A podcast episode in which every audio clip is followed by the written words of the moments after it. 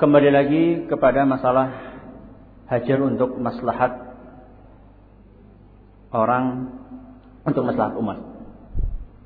Jadi saya katakan bahwasanya hajar untuk maslahat umat adalah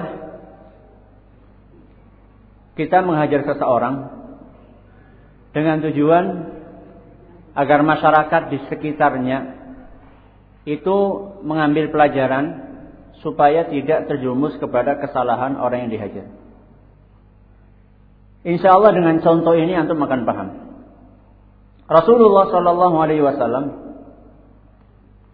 tidak mau menyolati orang yang mati dalam keadaan masih punya hutang. Jadi ada orang yang meninggal tapi dia masih punya hutang, maka Rasulullah SAW tidak mau menyolatinya. Dan juga Rasulullah SAW tidak menyolati orang yang mencuri harta rampasan perang sebelum dibagikan. Ini pun tidak disolati oleh Rasulullah SAW. Sekarang perhatikan baik-baik. Apa tujuan Rasulullah SAW tidak menyolati orang yang meninggal dalam keadaan masih punya utang? Orang yang meninggal tadi, dia itu sudah mati. Nggak tahu apakah Nabi SAW itu sholat kepada e, menyolati dia atau atau tidak. Jadi bukan untuk maslahat orang yang dihajar. Sekarang untuk maslahat siapa? Lawang orang yang sudah mati nggak tahu lagi Apakah dia disolati atau tidak disolati? Ataukah Nabi SAW menyolati dia atau tidak? Dia nggak tahu. Masalahnya kembali kepada siapa? Masalahnya kembali kepada umat. Yaitu orang yang di sekeliling siapa? Di sekeliling orang yang mati itu.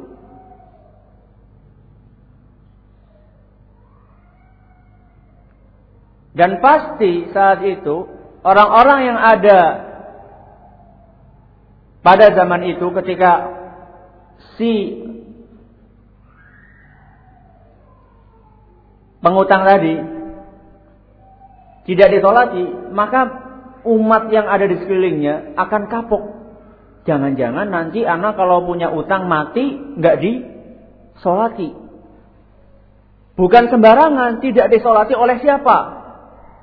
Oleh Rasulullah Shallallahu Alaihi Wasallam. Artinya dia tidak didoakan oleh Rasulullah SAW. Karena ketika sholat itu kan mendoakan orang yang yang meninggal. Jadi orang tadi yang punya utang tidak didoakan oleh Rasulullah SAW.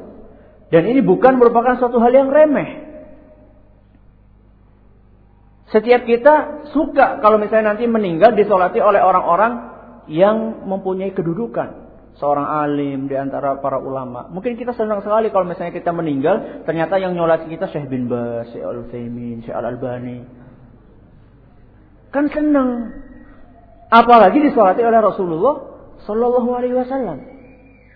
Nah, apa tujuan Rasulullah Sallallahu Alaihi Wasallam tidak menyolati orang yang punya utang itu? Tujuannya adalah supaya maslahat umat yaitu umat di sekelilingnya itu kapok tidak mau terjerumus kepada kepada kesalahan orang tersebut. Tapi jangan dipahami bahwasanya sholat kepada orang yang punya utang itu hukumnya apa? Jangan dipahami bahwasanya hukumnya haram. Karena Rasulullah Shallallahu Alaihi Wasallam berkata, "Sallu ala sahibikum." Tatkala beliau tidak menyolati, beliau mengatakan kepada sahabat yang lain, Sallu ala sahibikum, solatlah kalian atas teman kalian ini. Ini menunjukkan bahwasanya hukum asalnya adalah bo boleh. Cuman Rasulullah SAW meninggalkan sholat kepada orang tadi dengan tujuan untuk hajar maslahat umat.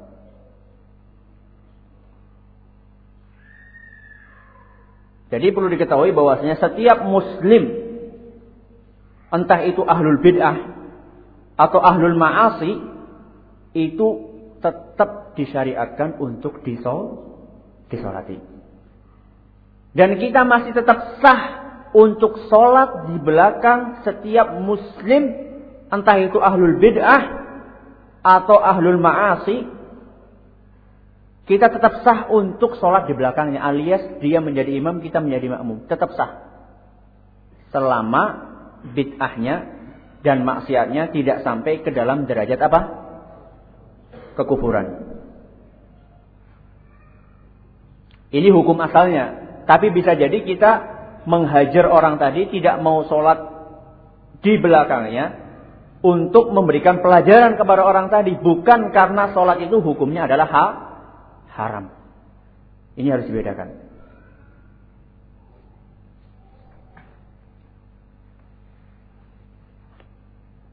Demikian pula di antara contoh hajar untuk maslahat umat adalah hajarnya Nabi Shallallahu Alaihi Wasallam atas Kaab ibnu Malik dan dua orang temannya. Dan ini pun bisa masuk ke dalam contoh yang ketiga untuk maslahat orang yang dihajar. Tapi juga bisa masuk ke contoh yang pertama. Yaitu tatkala Ka'ab ibnu Malik dan dua orang saudaranya dan dua orang temannya tidak menghadiri medan perang alias tidak ikut perang bersama Nabi SAW tanpa alasan yang bisa dibenarkan, maka Nabi pun menghajar alias mendiamkan Ka'ab ibnu Malik dan dua orang temannya dan mengharuskan seluruh kaum muslimin untuk menghajar tiga orang ini. Tidak ada yang mau bicara dengan dia, tidak ada yang mau salam dengan dia, tidak ada yang mau makan bersama dia. Ketika bersalam tidak dijawab, bahkan Nabi SAW tidak menjawab salam dia. Ketika dia mau berbincang-bincang dengan orang yang paling dia cintai, orang yang paling dia cintai itu mengatakan saya tidak bisa. Karena Nabi SAW memerintahkan saya untuk menghajar kamu. Tatkala Ka'ab bin Malik dan dua orang saudaranya, dua orang temannya itu dihajar, 50 malam. Tidak ada satupun yang berbicara dengan dia. Seluruh kaum muslimin diam. Tidak salam, tidak senyum dan seterusnya. Di dalam hajarnya Nabi SAW ini terdapat pelajaran yang sangat berharga bagi siapa? Bukan hanya untuk Ka'ab Ibnu Malik dan dua orang temannya, tapi juga pelajaran yang sangat berharga bagi siapa? Bagi umat kaum muslimin yang mengambil pelajaran, wah nanti kalau saya mengamalkan seperti amalannya Kaab, kalau saya melakukan kesalahan seperti kesalahan Kaab, bisa-bisa saya juga di dihajar. Ini hajar untuk maslahat umat. Dan juga nanti contoh ini akan kita masukkan ke dalam yang ketiga, yaitu hajar untuk maslahat orang yang di Hah? Orang yang dihajar. Kemudian ini yang kedua, kita masuk ke hajar untuk maslahat orang yang dihajar.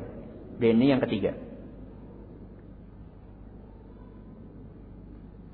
Maksudnya adalah kita menghajar seseorang yang bersalah dengan tujuan agar orang yang bersalah itu kapok. Jadi sebagian orang itu kalau misalnya dia didiamkan, dia berbuat salah kemudian dia didiamkan, maka dia akan kapok. Dia akan bertanya-tanya, oh kenapa sih teman saya yang biasanya bermuka manis dengan saya, biasanya mentraktir saya, kok tahu-tahu sekarang nggak mau senyum, boro-boro traktir, sama sekali nggak mau salam. Sebagian orang langsung bertanya, oh kenapa ya, apa apa apa mungkin anak salah? Akhirnya dia bertanya, kenapa sih antum seperti ini? Antum punya salah gini, oh afan ya. Anak insya Allah akan rujuk dari kesalahan ini. Nah ini adalah hajar untuk masalah orang yang di, dihajar. Untuk kebaikan orang yang dihajar. Dan ini dalilnya adalah tadi. Ka'ab ibnu Malik. Tatkala Rasulullah Shallallahu Alaihi Wasallam menghajar Ka'ab ibnu Malik dan dua orang temannya, maka mereka bertiga itu mendapatkan manfaat yang sangat besar. Dan di antara manfaat yang paling besar Allah Subhanahu wa taala mengampuni dosa-dosa tiga orang ini. Ini adalah merupakan manfaat yang sangat besar. Tatkala Ka'ab ibnu Malik dan dua orang saudaranya dan dua orang temannya ini bersabar dengan hajarnya Nabi Shallallahu Alaihi Wasallam, mereka pun mendapatkan ampunan dari Allah dan semua dosa-dosanya diampuni oleh Allah Subhanahu wa taala. Ini untuk maslahat mahjur, untuk maslahat orang yang dihajar. Di antara contoh hajar yang model ini adalah hajarnya Umar kepada seorang yang bernama Sabir bin Asal. Sabir bin Asal. Kenapa kok Umar itu menghajar Sabir bin Asal? Karena Sabir bin Asal dia itu suka bertanya tentang ayat-ayat yang mutasyabih di dalam Al-Quran. Maka Umar bin Khattab pun memanggil Sabir ini. Kemudian dipukuli sama Umar. Kemudian memerintahkan seluruh kaum muslimin supaya menghajar Sabir ibn Asad. Setelah itu dipanggil lagi, dipukuli lagi. Di penjara sama Umar. Panggil lagi, dipukuli lagi. Sampai-sampai Sabir ibn Asad itu berkata, Ya Amirul Mukminin, in syi'ta taqtuluni. Wahai Mukminin kalau mau sudah bunuh saja anak itu. Jangan dipukuli terus maksudnya gitu. Bunuh aja sekalian. Tapi Umar tetap menghukumi dia, memukuli sampai ujung-ujungnya. Sabiq Ibnu Asal berkata, "Zahaba alladhi fi ra'si ya Amirul Mukminin." Wahai Amirul Mukminin, yang ada di kepala anak itu semuanya sudah hilang. Artinya subhat-subhat yang ada di kepala anak dengan hukuman kamu itu semuanya sudah bersih. Kotoran-kotoran sudah semuanya hilang dengan hukuman kamu. Bermanfaat. Jadi dia itu rujuk dari kesalahan-kesalahan dia yang selama ini dia kerjakan. Ini contoh hajar untuk maslahat orang yang dihajar. Bahkan di antara maslahat yang dicapai oleh Sobik Ibnu Asal Diceritakan bahwasanya Sobik Ibnu Asal ini mendapatkan atau apa menang itu bahasa bahasa Indonesia apa? Orang Jawa, menang itu bahasa apa? Enggak cocok menemui itu. Banyak orang yang luar Jawa banyak ya? Banyak ya. Jadi Sobik Ibnu Sobik Asar itu hidup sampai zamannya muncul Khawarij. Jadi menangi orang-orang Khawarij. Itu maksud anak. Jadi Sobik Ibnu Asar ini hidup sampai zaman munculnya siapa? Orang-orang Khawarij. Tatkala orang-orang Khawarij ini memberontak kepada pemerintahan yang sah, Sobir Ibnu Asal itu tidak mau ikut untuk memberontak. Dia ditanya, kenapa kamu tidak ikut bersama kami untuk memberontak? Ditanya oleh orang-orang siapa?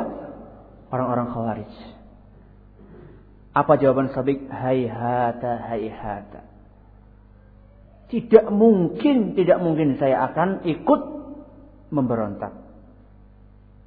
Nafa'ani Allahu bimau'izati rajul salih. Nafa'ani Allahu bimau'izati ar-rajul salih. Saya sudah mendapatkan manfaat yang besar dari nasihatnya seorang yang saleh. Siapa itu? Umar. Jadi dia itu betul-betul istilah kita tuh kapok Betul-betul dia itu sudah ada kesalahan apa nggak mau ikut-ikut. Karena betul-betul dia itu mendapatkan nasihat yang spesial. Bukannya sekedar nasihat, malah dipukuli, dipenjara sampai dia mengatakan seperti itu. Ini adalah hajar untuk masalah siapa? Orang yang dihajar. Kalau kita mau cari syawahid, bukti-bukti akan hajar ini banyak sekali. Di antaranya Imam Ahmad yang menghajar beberapa ahlul bid'ah. Sebagian dihajar oleh Imam Ahmad rahimahullahu taala. Nah, untuk masalah hajar berkaitan dengan maslahat orang yang dihajar, inilah di bawahnya itu ada apa? Norma, norma yang semuanya sudah antum tulis. Yang nulis, yang nggak nulis sudah diapal. Yang pertama, norma tersebut adalah berkaitan dengan melihat atau memperhatikan pengaruh dari orang yang menghajar. Tatkala kita akan menghajar seseorang yang bersalah, kita harus melihat pengaruh kita Apakah hajar anak ini berpengaruh buat dia atau tidak?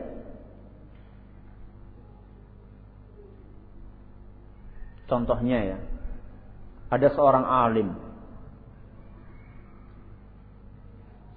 yang menghajar seorang talibul ilm. Misalnya, antum atau kita dihajar oleh Syekh Al-Albani misalnya. Misalnya. Kira-kira itu akan berpengaruh nggak buat kita? Ya jelas berpengaruh.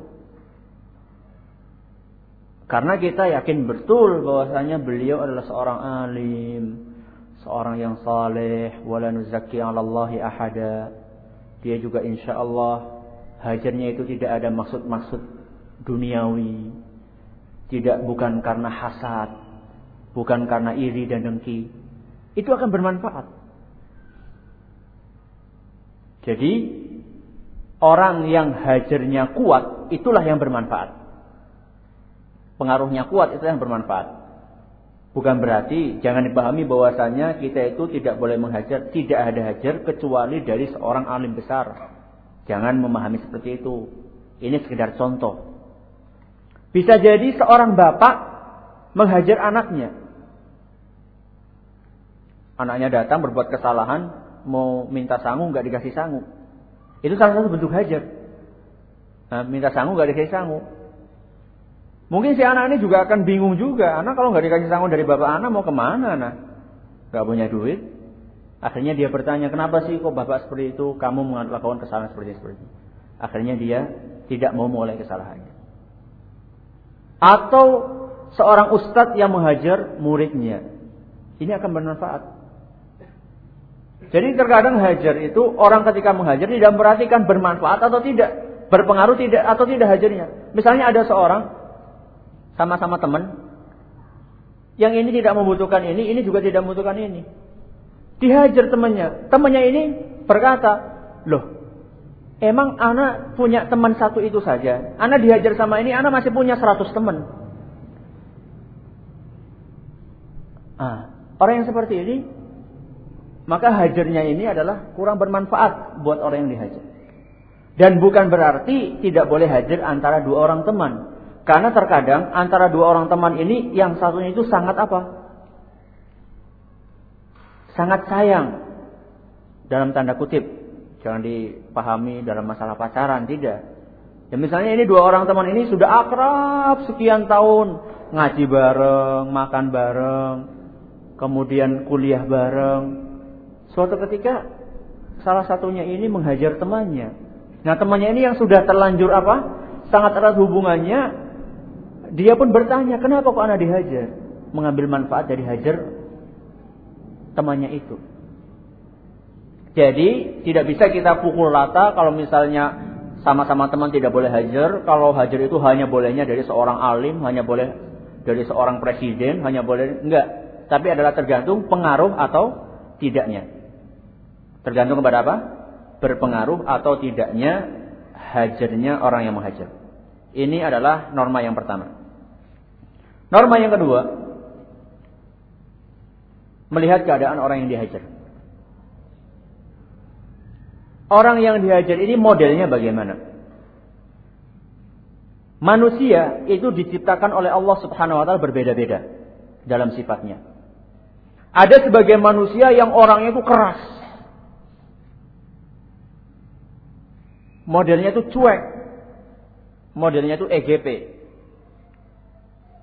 Terserah orang mau menghajar anak atau mau berteman dengan anak atau nggak mau salam dengan anak atau nggak mau makan dengan anak atau nggak mau bantu dengan anak, terserah. Ini ada sebagian orang yang modelnya seperti ini. Nah orang-orang yang seperti ini bermanfaat nggak hajar buat dia?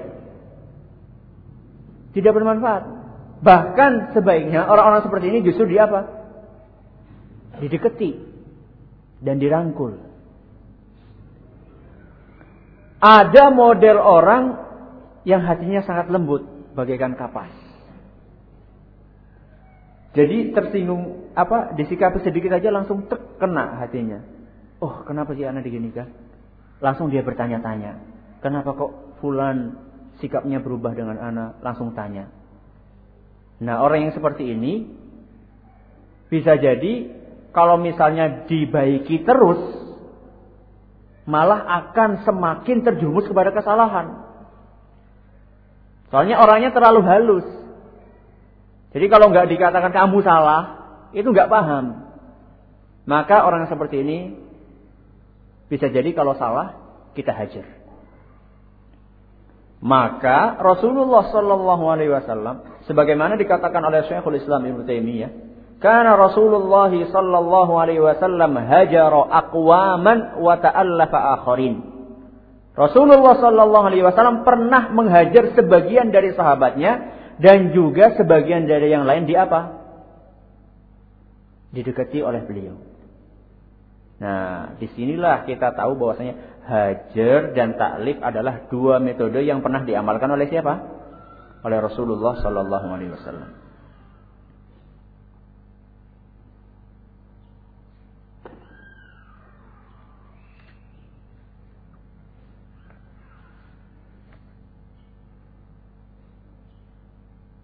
Dan ini contoh seperti ini ada di dalam hadiyun Nabi Sallallahu Alaihi Wasallam.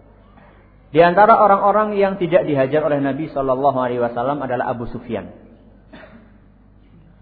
Kemudian Al-Aqra ibnu Habis dan Uyainah ibnu Husain. Ini tiga orang ini adalah merupakan istilah kita itu bangsawan. Orang yang memiliki apa? Kedudukan di kaumnya. Dan mereka sudah terbiasa memiliki pengikut. Nah orang-orang model seperti ini, kalau misalnya dihajar, bisa jadi dia malah akan apa? Akan lari. Maka oleh Nabi SAW tidak dihajar. Abu Sufyan, Al-Aqra ibn Habis, dan Uyainah ibn Husain. Tidak dihajar oleh Nabi SAW. Bahkan terus didekati oleh beliau. Bahkan Abu Sufyan dikasih sekian onta dan seterusnya. Sekian bahkan di, di dalam satu hari dikatakan sekian ratus onta diberi supaya dia itu mau masuk ke dalam agama Islam. Karena Nabi SAW mengatakan bahwa orang yang modelnya seperti ini, kalau dihajar tidak bermanfaat. Contoh yang lain, ini kebalikannya. Kebalikannya Kaab ibnu Malik. Kaab ibnu Malik, beliau adalah seorang yang memiliki keimanan yang sangat tinggi. Dan memiliki ketakwaan yang sangat tinggi. Kalau dihajar, dia tuh akan kembali kepada al-haq. Bahkan ketika beliau Ka'ab ibnu Malik di tengah-tengah dia dihajar, datang surat dari orang kafir. Dan mengatakan sami itu anna sahibaka qad jafak faqdum ilaina. Dikatakan sesungguhnya kami mendapatkan berita bahwasanya teman kamu yaitu Rasulullah SAW telah meninggalkan kamu, telah berbuat tidak bagus kepada kamu, maka datanglah kepada kami ditawari untuk datang ke negeri kafir supaya murtad. Tapi Ka'ab Malik memiliki keimanan yang tinggi. Dia justru semakin beriman dan semakin kuat keimanannya. Nah, orang seperti ini maka dihajar oleh Nabi Shallallahu Alaihi Wasallam. Jadi kesimpulannya Rasulullah SAW tatkala menghajar, beliau itu memperhatikan kondisi orang yang di, dihajar. Yang ketiga, yang harus diperhatikan adalah melihat masa atau lamanya hajar. Jadi harus disesuaikan dengan kesalahannya. Sebagian orang kesalahannya kecil, dihajar dua hari cukup. Sebagian orang kesalahannya besar, harus dihajar satu tahun misalnya. Jadi itu harus disesuaikan dengan kesalahannya. Makanya Ibnu Qayyim rahimahullah berkata, "Al-hajru kaddawa. In zada qatal wa in naqas lam yanfa." Hajar itu seperti obat. Kalau kelebihan dosis maka akan apa? Akan mati. Tapi kalau dosisnya kurang, maka penyakitnya tidak akan mati. Artinya tetap akan sakit. Jadi modelnya seperti itu. Tatkala kita menghajar, kita harus sesuaikan. Kalau misalnya kita perkirakan ini hajarnya kalau sudah lebih dari sekian hari ini malah dia akan semakin menjauh, maka kita cukupkan. Kalau misalnya kita berpikir kalau kita perkirakan kalau misalnya hajarnya itu sampai hari ketiga belum bermanfaat, kita tambah sampai bermanfaat.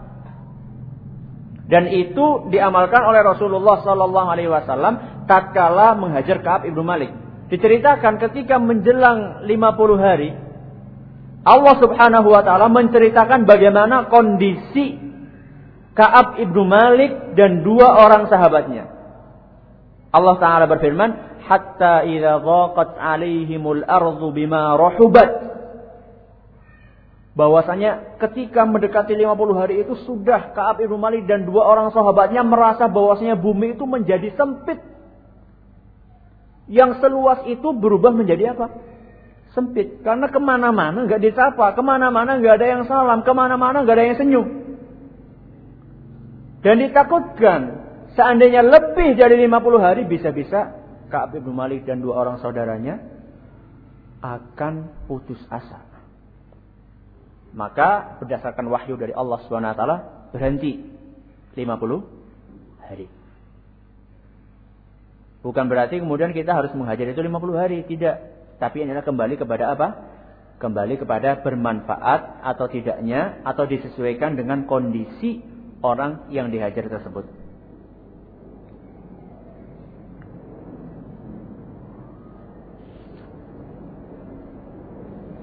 Kemudian yang keempat adalah melihat keadaan masyarakat. Seandainya masyarakat di sekeliling orang yang dihajar itu, misalnya masyarakat Sunni, masyarakat Salafi, maka orang itu kalau memang cocok untuk dihajar, kita hajar. Kebalikannya, seandainya dia itu hidup di sekeliling itu ahlul bid'ah. Kalau misalnya kita hajar, kita takutkan malah dia akan apa? Akan lari kepada ahlul ahlul bid'ah. Dia akan mengatakan, ah orang-orang salah ini gak ada yang mau senyum ke anak. Ya kholas katanya.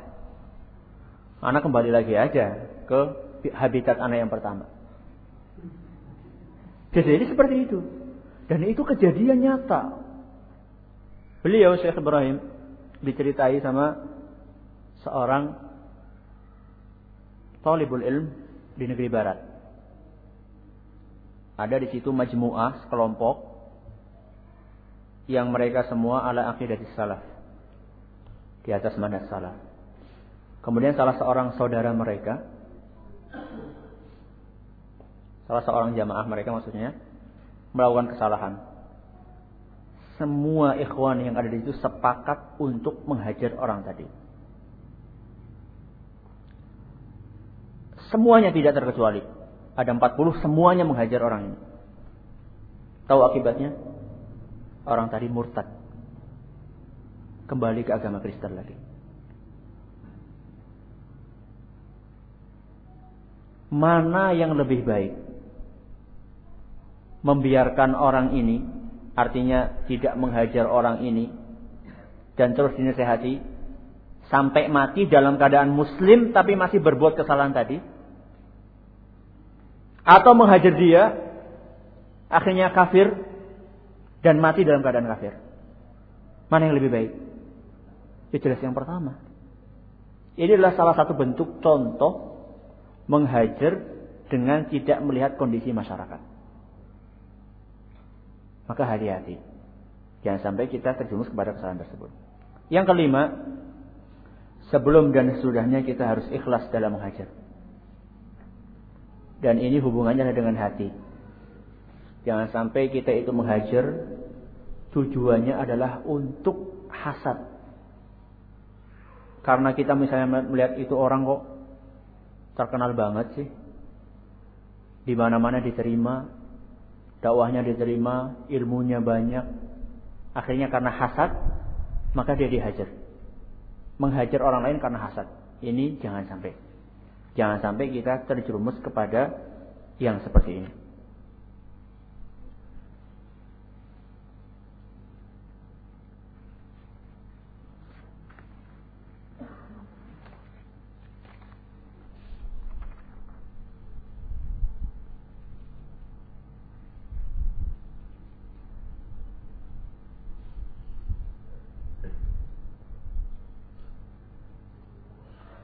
Nah, sekarang setelah kita tahu bahwasannya menyikapi orang yang bersalah itu ada dua cara. Yang pertama kalau nggak dihajar ya apa tadi? Di apa? Ditaklif. Ditaklif. Jadi kalau yang pertama ditaklif, yang kedua di apa? Dihajar. Nah kalau misalnya kita sudah tahu dua metode ini, seandainya ada seorang yang bersalah, satu salah, A. Kemudian Ana dan siapa ya di sini ya? Dan Abdurrahman misalnya. Anak Abdullah, anak Abdur, eh, kemudian Abdurrahman, anak Ana. Ana dan Abdurrahman ini berbeda pendapat dalam menyikapi orang yang salah ini. Ana melihat bahwasanya orang ini adalah pantasnya di apa? Dihajar. Abdurrahman ini melihat bahwasanya orang ini pantasnya di ditaklif. Kalau misalnya dua orang ini sama-sama memiliki tujuan yang sama, yaitu tujuannya adalah agar ini mendapatkan hidayah, si A ini, dan juga Abdurrahman juga mendekati tujuannya adalah agar ini mendapat hidayah, maka jangan sampai hal yang seperti ini menimbulkan percekcokan antara Abdullah dan Abdurrahman. Karena perbedaan di antara keduanya bukan perbedaan masalah sunnah atau bid'ah. Tapi perbedaan di antara keduanya adalah perbedaan dalam masalah sudut pandang. Dalam masalah mempertimbangkan maslahat dan madorot. Kalau anak melihat bahwasanya orang ini maslahatnya adalah dihajar. Tapi si Abdurrahman melihat bahwasanya orang ini maslahatnya apa? Ditaklif. Dan orang yang menghajar jangan sampai menyudutkan orang yang mentaklif dan orang yang mentaklif jangan sampai menyudutkan orang yang meng menghajar. Contohnya menyudutkan. Orang yang menghajar ini tatkala ketemu dengan si A ini mengatakan bahwasanya itu si Abdurrahman itu duduk-duduk dengan kamu itu adalah dia mumayyi. Dia itu sikapnya memang nggak perhatian dalam masalah agama. Kebalikannya, si Abdurrahman ini ketemu sama orang yang salah mengatakan itu, si Abdullah itu. Dia itu menghajar kamu itu karena dia itu benci sama kamu. Karena itu hasad sama kamu. Menyudutkan. Yang benar bukan seperti itu. Yang benar adalah saling bahu-membahu. Maksudnya bagaimana? Ana, tatkala ketemu dengan orang tadi, kamu jangan tertipu. Si Abdurrahman itu bergaul dengan kamu bukan berarti dia itu setuju dengan kesalahan kamu. Tapi dia itu bergaul dengan kamu tujuannya adalah agar menasihati kamu supaya kembali dari kesalahan. Sebaliknya si Abdurrahman ini tatkala ketemu dengan si A ini mengatakan fulan si Abdullah itu menghajar kamu. Itu bukan karena hasad, tapi karena dia melihat ada kesalahan di dalam diri kamu, maka kamu harus rujuk dari kesalahan supaya Abdullah tidak menghajar kamu lagi. Alangkah indahnya. Kalau seandainya kita mengamalkan seperti ini. Tapi kenyataan di lapangan Allahul musta'an. Allahul musta'an. Yang menghajar mengatakan yang menta'alif ini mumayyi, mudayyi, mudahin. Kebalikannya orang yang menta'alif mengatakan haula syiddah, haula mutasaddidun. Mereka itu orang yang sikap berlebih-lebihan, bersikap keras berlebih-lebihan. Padahal sama-sama tujuannya apa? Satu. Anak yang menghajar tujuannya supaya dia kembali kepada sunnah. Anak yang menta'alif tujuannya supaya apa? Dia kembali kepada sunnah. Maka hati-hati jangan sampai terjumus kepada kesalahan ini.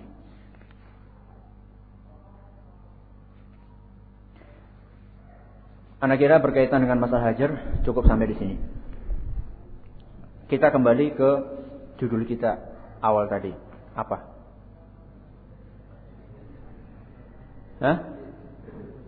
Memahami lebih dalam makna dari al-i'tisam dan al-istima. Nah, jadi tadi itu kita masih dalam bahasan al-i'tisam. Wah, kok lama banget ya? Gak apa-apa.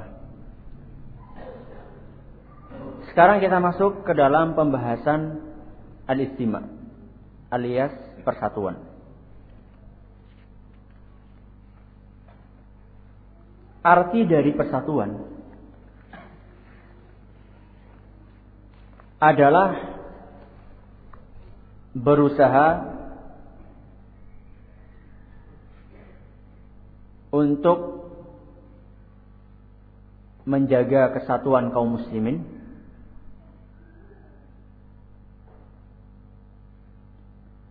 Tidak memisahkan diri dari mereka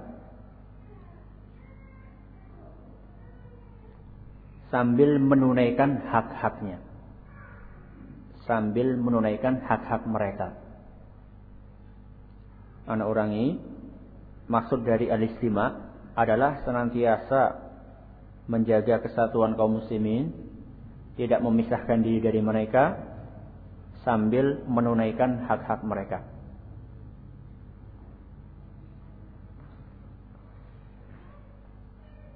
Tolong jangan dipahami dari kata-kata ini bahwasanya kita itu harus berteman dengan setiap muslim. Karena sebagian orang memahami yang namanya bersatu, kita itu harus berteman dengan semua muslim. Kita harus duduk di semua majelis harus kita duduk. Tidak. Bukan maksudnya seperti itu. Maksudnya adalah kita tetap menunaikan hak-hak setiap muslim. Artinya kita tetap salam kepada mereka, kita ketika dia sakit kita tetap menjenguk mereka, ketika dia meninggal kita tetap bertakziah dan seterusnya. Kita tetap menunaikan hak-hak setiap muslim. Tapi untuk memilih teman dekat kita pun harus memilih. Karena tidak setiap muslim meskipun dia itu muslim itu cocok untuk dijadikan apa? Teman. Dan itu kita sadari sendiri. Di antara kita mesti ada yang namanya teman akrab kan?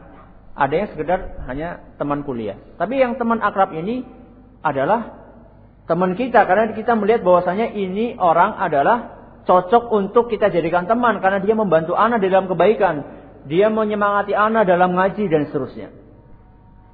Tapi tatkala kita memilih beberapa orang teman dekat bukan berarti kemudian kita itu tidak menunaikan hak-hak kaum muslimin yang lain yang tidak kita jadikan sebagai teman teman dekat. Bisa dipahami? Jadi maksud dari persatuan adalah kita berusaha untuk menunaikan hak-hak kaum muslimin. Dan di antara hak-hak kaum muslimin adalah seandainya salah dinase dan nasihati.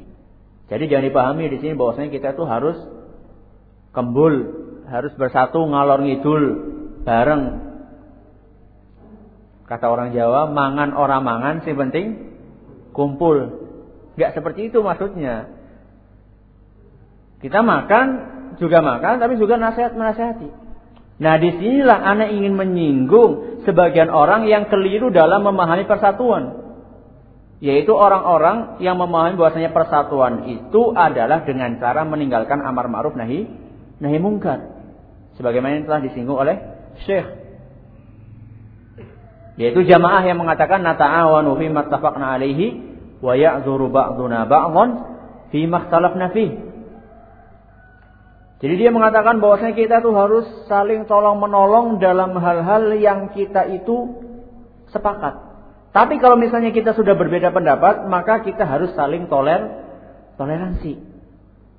Gak boleh kita itu mengatakan fulan salah. Gak boleh kita itu menyalahkan. Gak boleh kita itu menasehati. Nanti kalau misalnya kita menasehati, maka akan timbul perpecahan di kalangan kaum muslimin. Nah orang-orang yang seperti ini sampai-sampai mereka itu parahnya menuduh bahwasanya yang memecah belah umat adalah apa? Akidah salah. Inilah yang memecah belah umat. Akidah salah inilah yang memecah belah umat. Gara-gara orang-orang salafi itu menyebarkan akidah salah, maka umat Islam pun berpecah belah. Ini salah. Orang yang seperti ini ingin mewujudkan persatuan di atas kebatilan. Dan persatuan tidak akan bisa diwujudkan kecuali seandainya kita itu berada di atas kebenaran. Karena Allah Subhanahu wa taala masih ingat tadi ayat pertama kali kita bawakan memberi cara untuk bersatu dengan apa? Wa'tasimu bihablillahi jami'a. Jadi Allah Subhanahu wa taala memberikan cara agar kita bersatu adalah kita berpegang teguh dengan agama Allah. Dengan kitab dan sunnah dengan pemahaman salaf.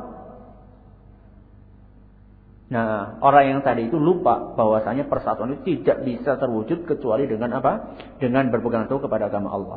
Dan dia juga lupa bahwasanya generasi terbaik umat ini yaitu salafus saleh. Mereka adalah orang-orang yang paling kuat persatuannya. Dan mereka adalah orang-orang yang saling cinta mencintai. Tapi mereka juga orang yang paling berpegang teguh dengan apa? Dengan akidah. Semakin mereka berpegang teguh dengan akidah, semakin kuat pula lah persatuan di antara mereka. Jadi kesimpulannya amar ma'ruf nahi mungkar saling nasihat menasihati ini tidak sama sekali mengharuskan kita untuk berpecah belah. Di dalam firman Allah Subhanahu wa taala wal takum minkum ummatun yad'una ilal khairi wa ya'muruna bil ma'rufi wa yanhauna 'anil munkar wa ulaika humul muflihun. Ayat ini Allah Subhanahu wa taala berfirman, hendaklah di antara kalian ada orang-orang yang menyuruh kepada kebaikan, beramal ma'ruf dan bernahi mungkar dan merekalah orang-orang yang beruntung. Setelah Allah Subhanahu wa taala di dalam ayat ini memerintahkan kita untuk beramal ma'ruf nahi mungkar, langsung ayat sesudahnya Allah berfirman, "Wala takunu kalladzina tafarraqu wakhtalafu." Dan janganlah kalian menjadi orang-orang yang apa? Yang saling berpecah belah dan berbeda dan berselisih. Jadi di dalam dua ayat ini mengisyaratkan bahwasanya amar ma'ruf nahi mungkar bukanlah dia itu yang menyebabkan orang berpecah berpecah belah. Kalau misalnya amar ma'ruf nahi mungkar menyebabkan orang berpecah belah, kenapa Allah Subhanahu wa taala bagaimana mungkin Allah Subhanahu wa taala memerintahkan kita untuk amar ma'ruf nahi mungkar kemudian melarang kita untuk berpecah berpecah belah? Artinya terjadi kontradiksi.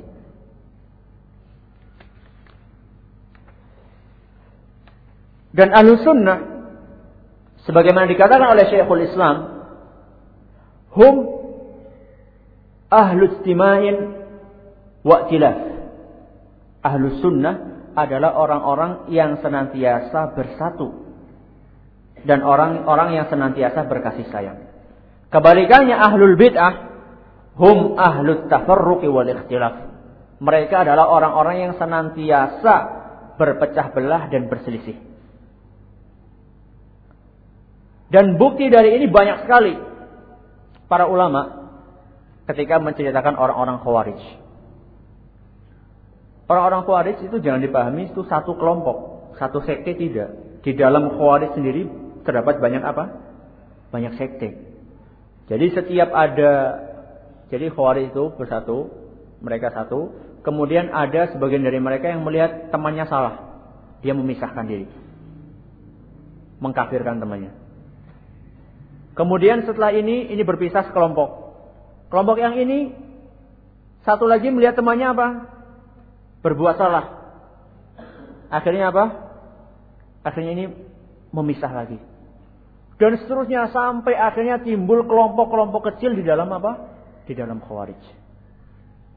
Nah, maka ini adalah betul apa yang dikatakan oleh Syekhul Islam bahwasanya ahlul bid'ah adalah ahlu tafarruqin wa.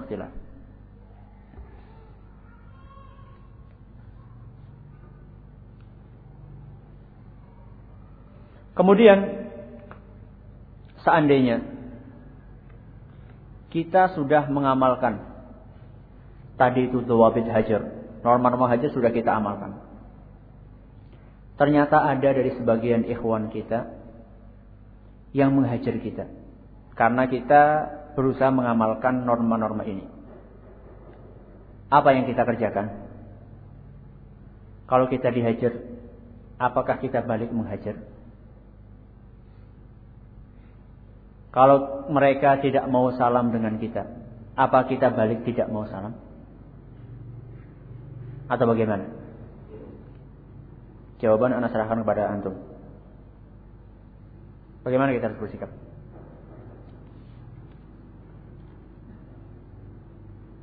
Hah?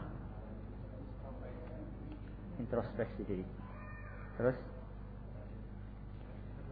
Tabayun.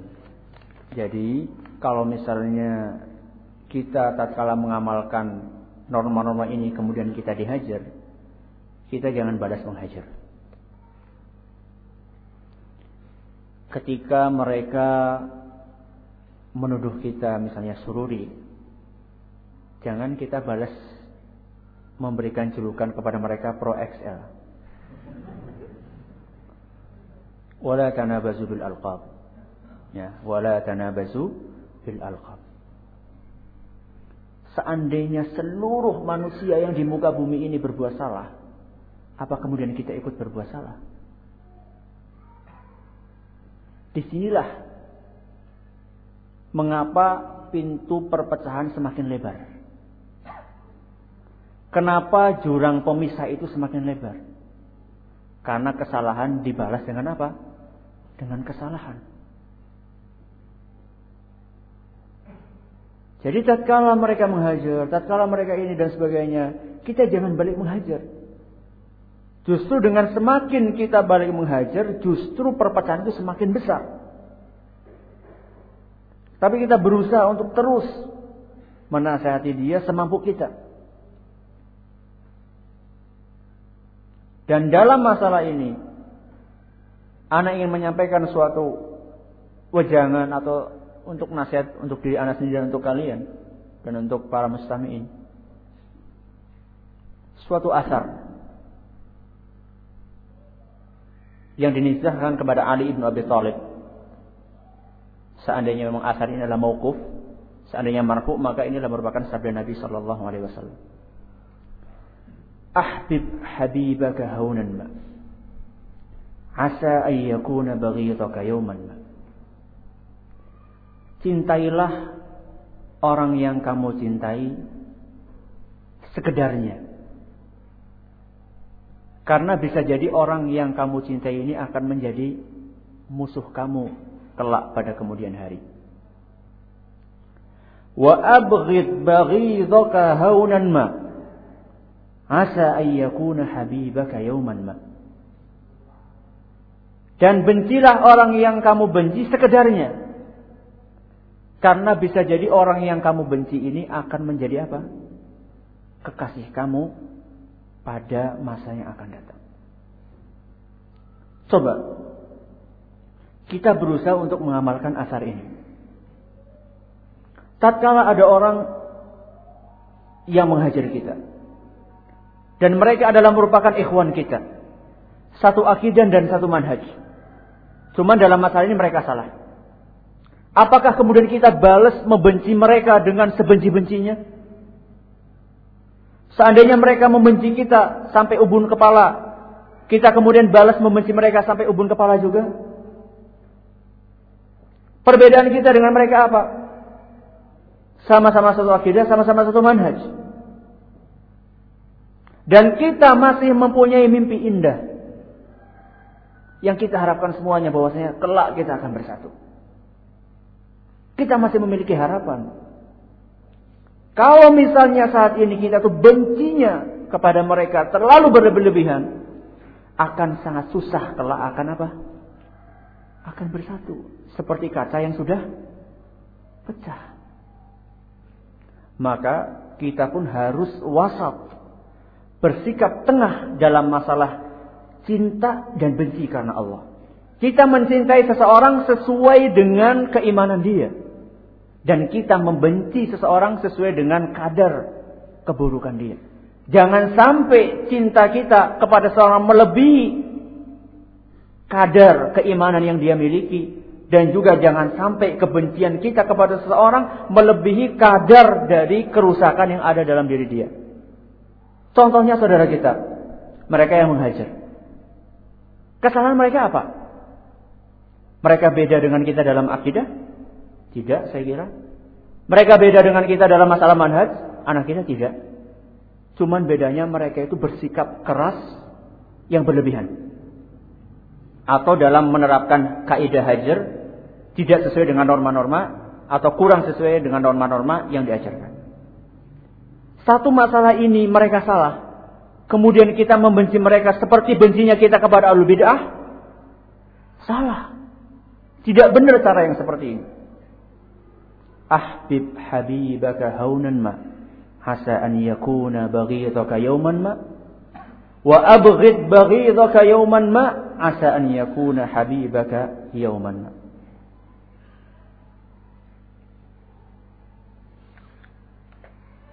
Kemudian tatkala kita menyampaikan nasihat Jangan kita menyampaikan nasihat itu tujuannya adalah untuk mempermalukan seseorang di hadapan umum.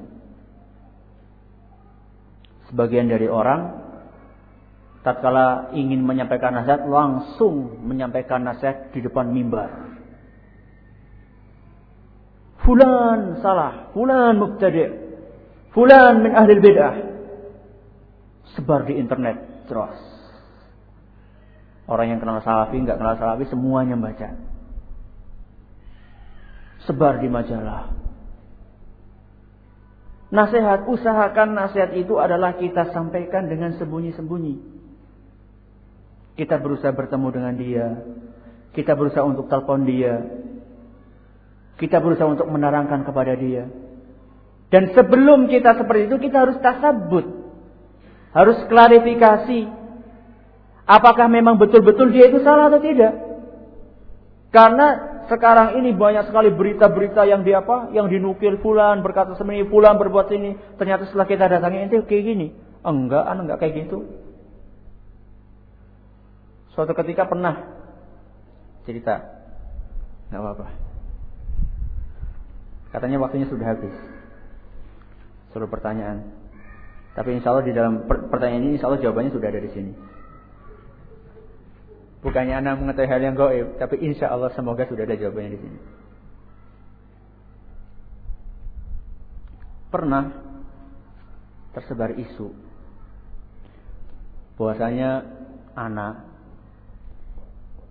itu mengambil dana dari Ihya Uturas Terus wah semuanya pada tahu semuanya. Wah fulan bangun masjid dari Turas. Fulan gini, fulan gini, fulan ini. Akhirnya ya tahu sendiri. Dihajar, ditahdir. Bahkan sampai keluarga anak pun dihajar. Dan sampai abi anak yang baru kenal salah pun dihajar. Umi anak yang baru kenal salah dihajar. Istri anak yang baru kenal hajar. Cuma saya itu anak-anak belum lahir. Gak bisa dihajar anak-anak. Dan jarang sekali yang mau tasabut. Ada alhamdulillah yang tasabut. Tanya, antum ngambil? Wallahi ya akhi anak itu nggak pernah ngambil dari Ihauturas, anak bilang. Anak nggak ngambil dari Ihauturas.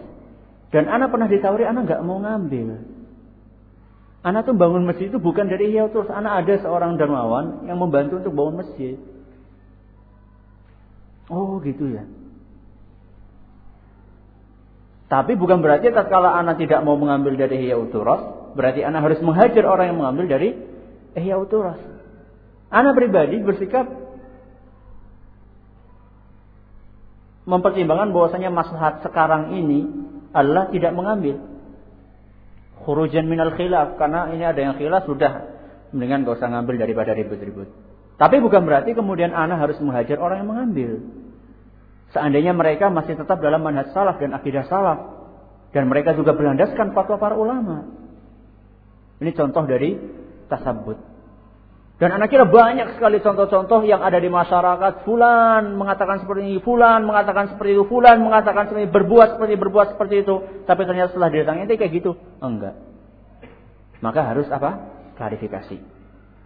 Jadi setelah kita klarifikasi, kemudian kita berusaha untuk menasehati dengan lemah lembut. Kita datang kepada orang yang kita yakini dia salah, kita katakan ya fulan. Ana mengetahui insya Allah bahwasanya ente itu di dalam kebaikan.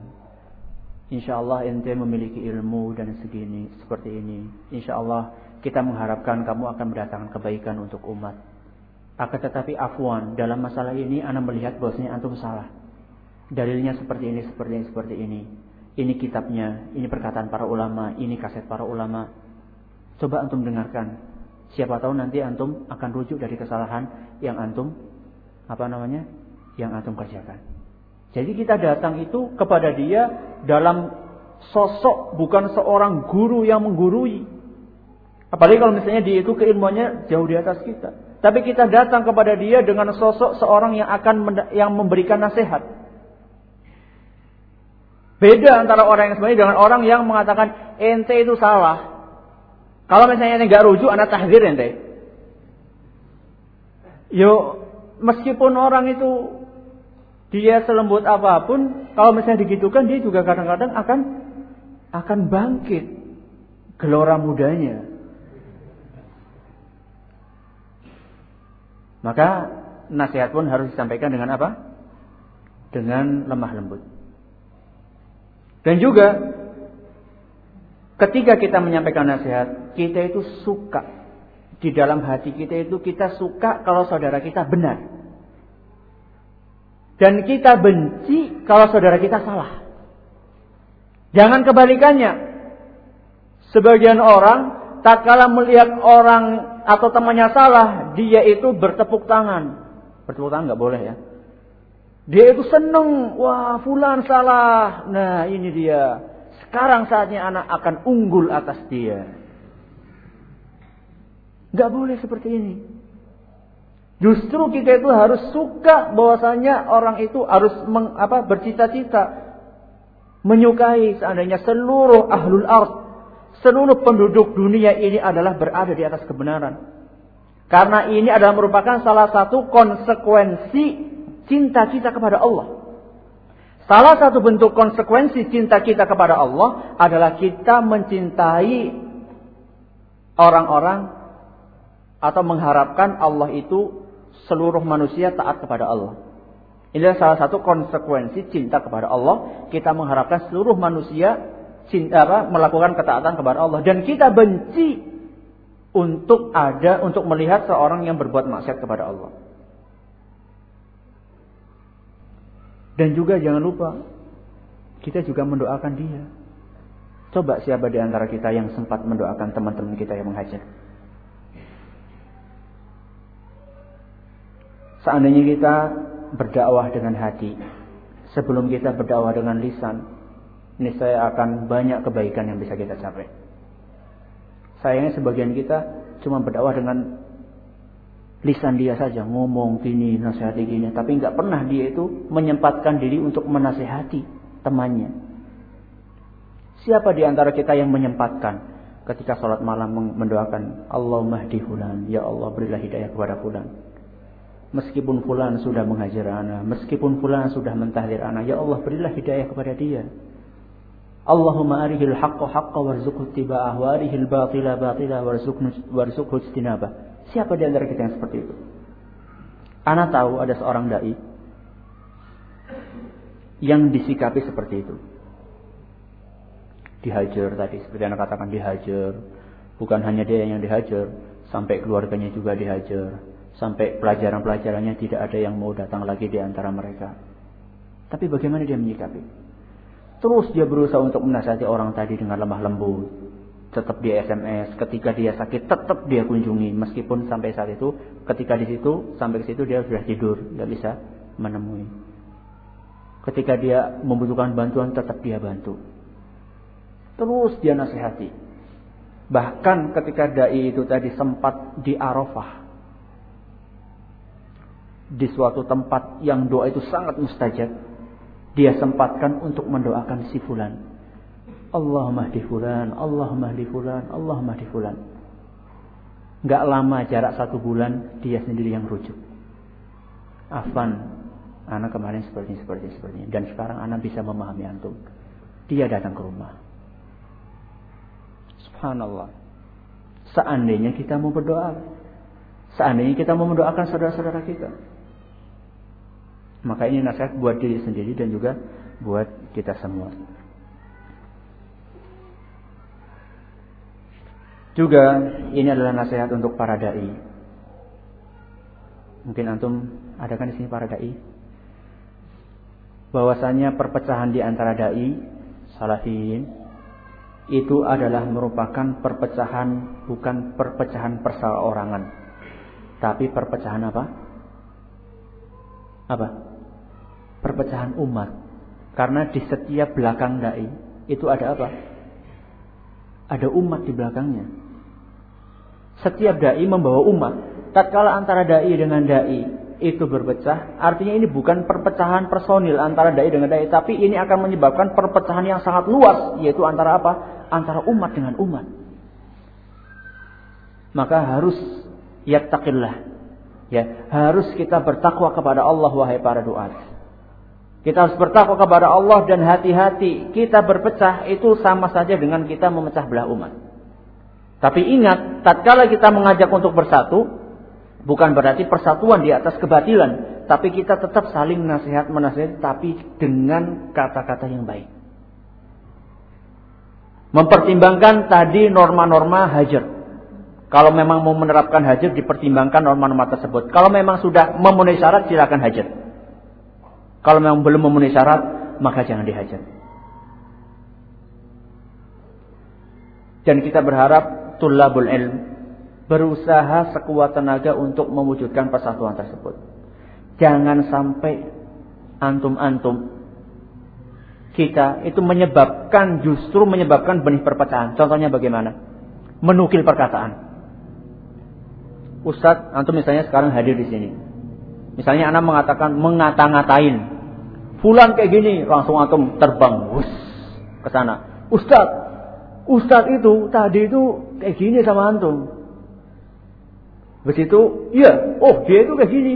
Balas dia terbang ke sini. Ustad, tadi itu Ustad tadi itu seperti ini. A'udzubillahi min Inilah merupakan namimah. Hah? Inilah merupakan apa? Adu domba.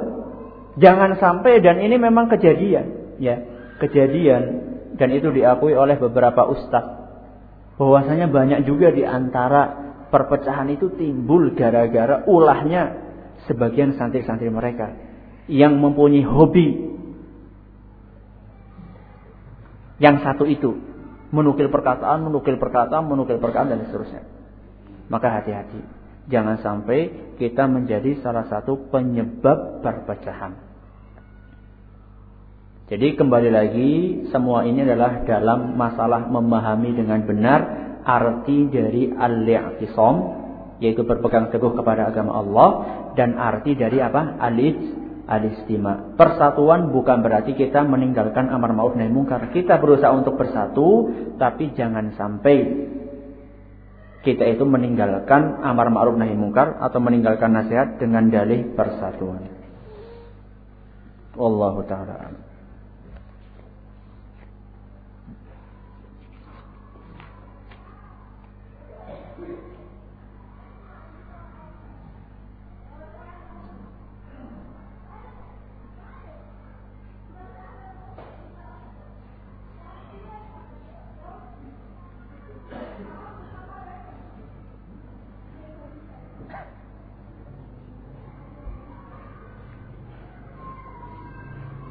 Karena tidak ada imam atau pemimpin atau orang yang dimuliakan.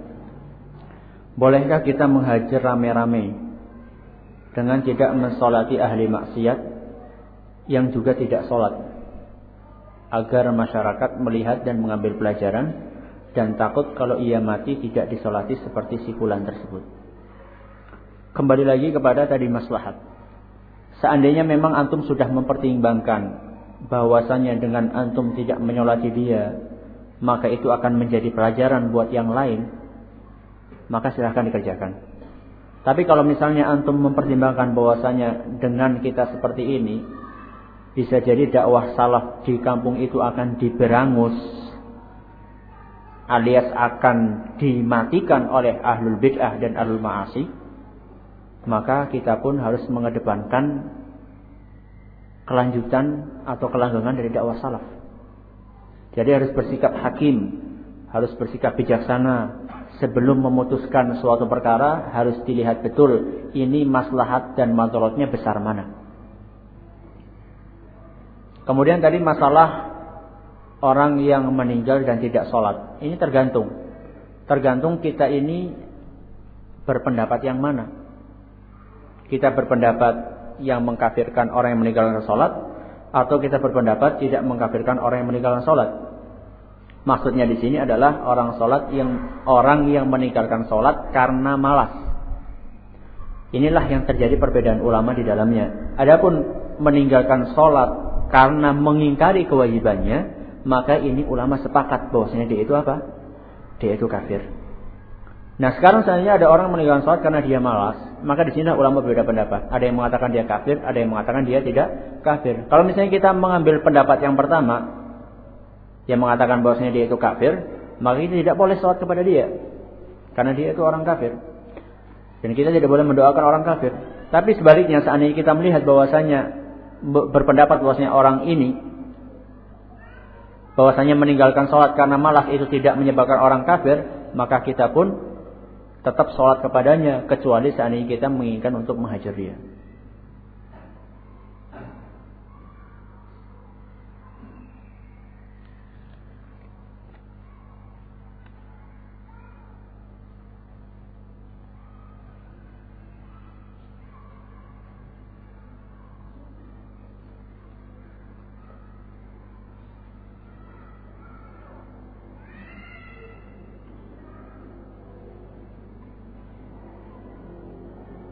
Tolong jelaskan apakah memakai jam di tangan kiri apakah termasuk tersebut?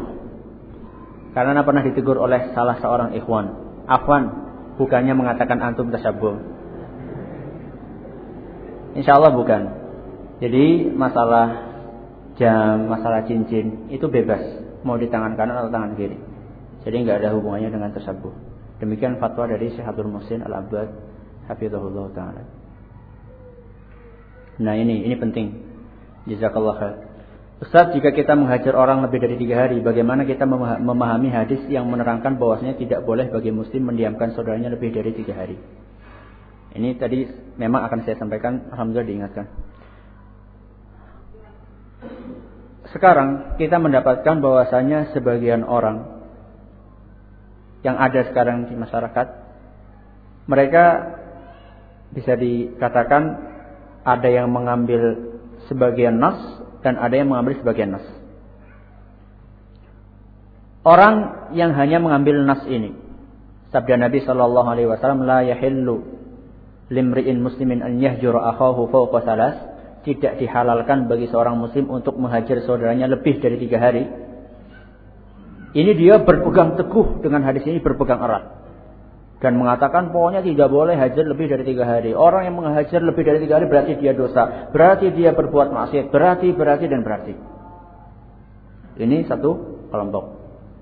Kelompok yang lain mengatakan kita harus menghajar setiap orang yang salah harus kita hajar, besar atau kecil harus kita hajar. Tidak memperhatikan norma-norma.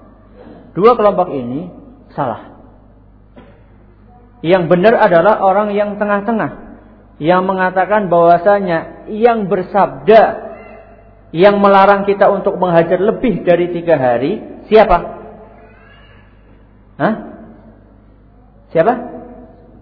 Rasulullah Sallallahu Alaihi Wasallam dan yang menghajar Kaab ibnu Malik 50 hari dan menghajar istri-istrinya satu bulan siapa?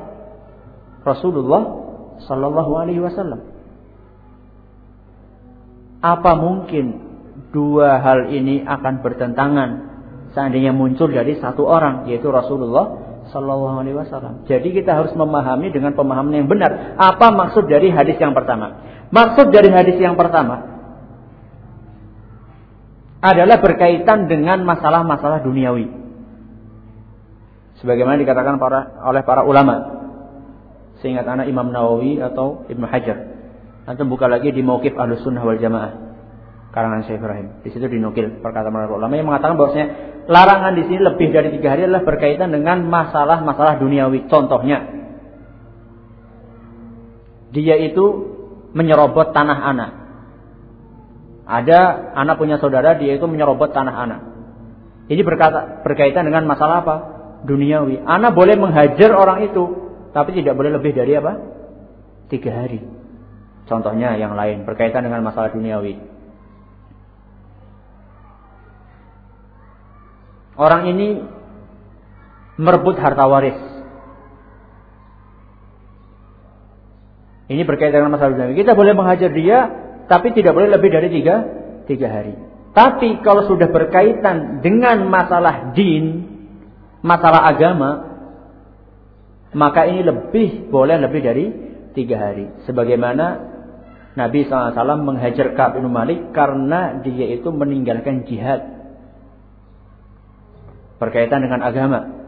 Maka beliau pun menghajar lebih dari 50 hari. Jadi kalau kita mau betul-betul ittiba, mau betul-betul mengikuti sunnah, kita jangan mengambil sebagian hadis dan meninggalkan sebagian yang lain.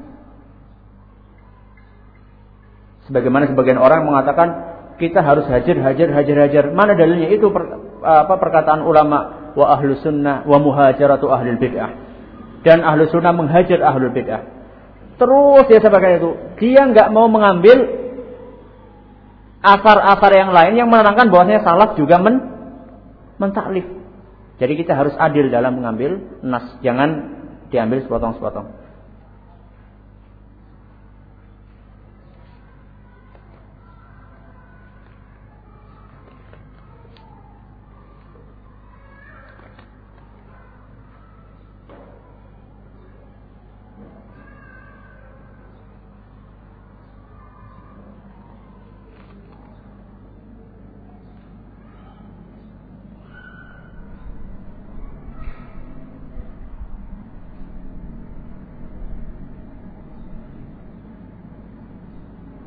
Ini cukup penting pertanyaannya.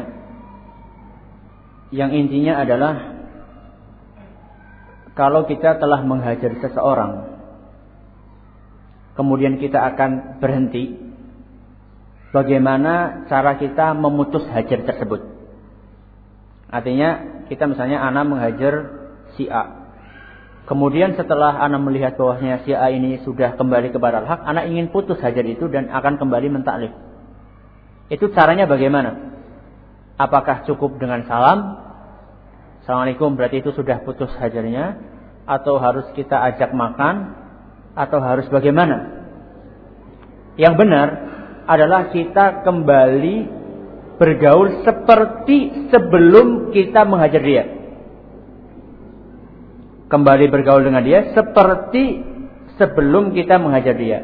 Maksudnya, kalau misalnya memang sebelum kita menghajar dia, kita biasa bermajelis dalam suatu majelis, biasa pergi bareng, maka kita kembali seperti itu.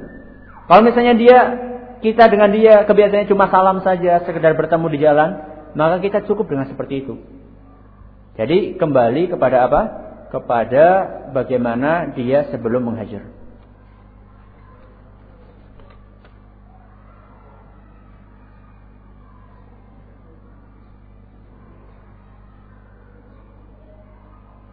Ini juga bagus karena tadi Anda mau menyampaikan diingatkan kesalahan-kesalahan apa saja yang dibolehkan untuk dihajar.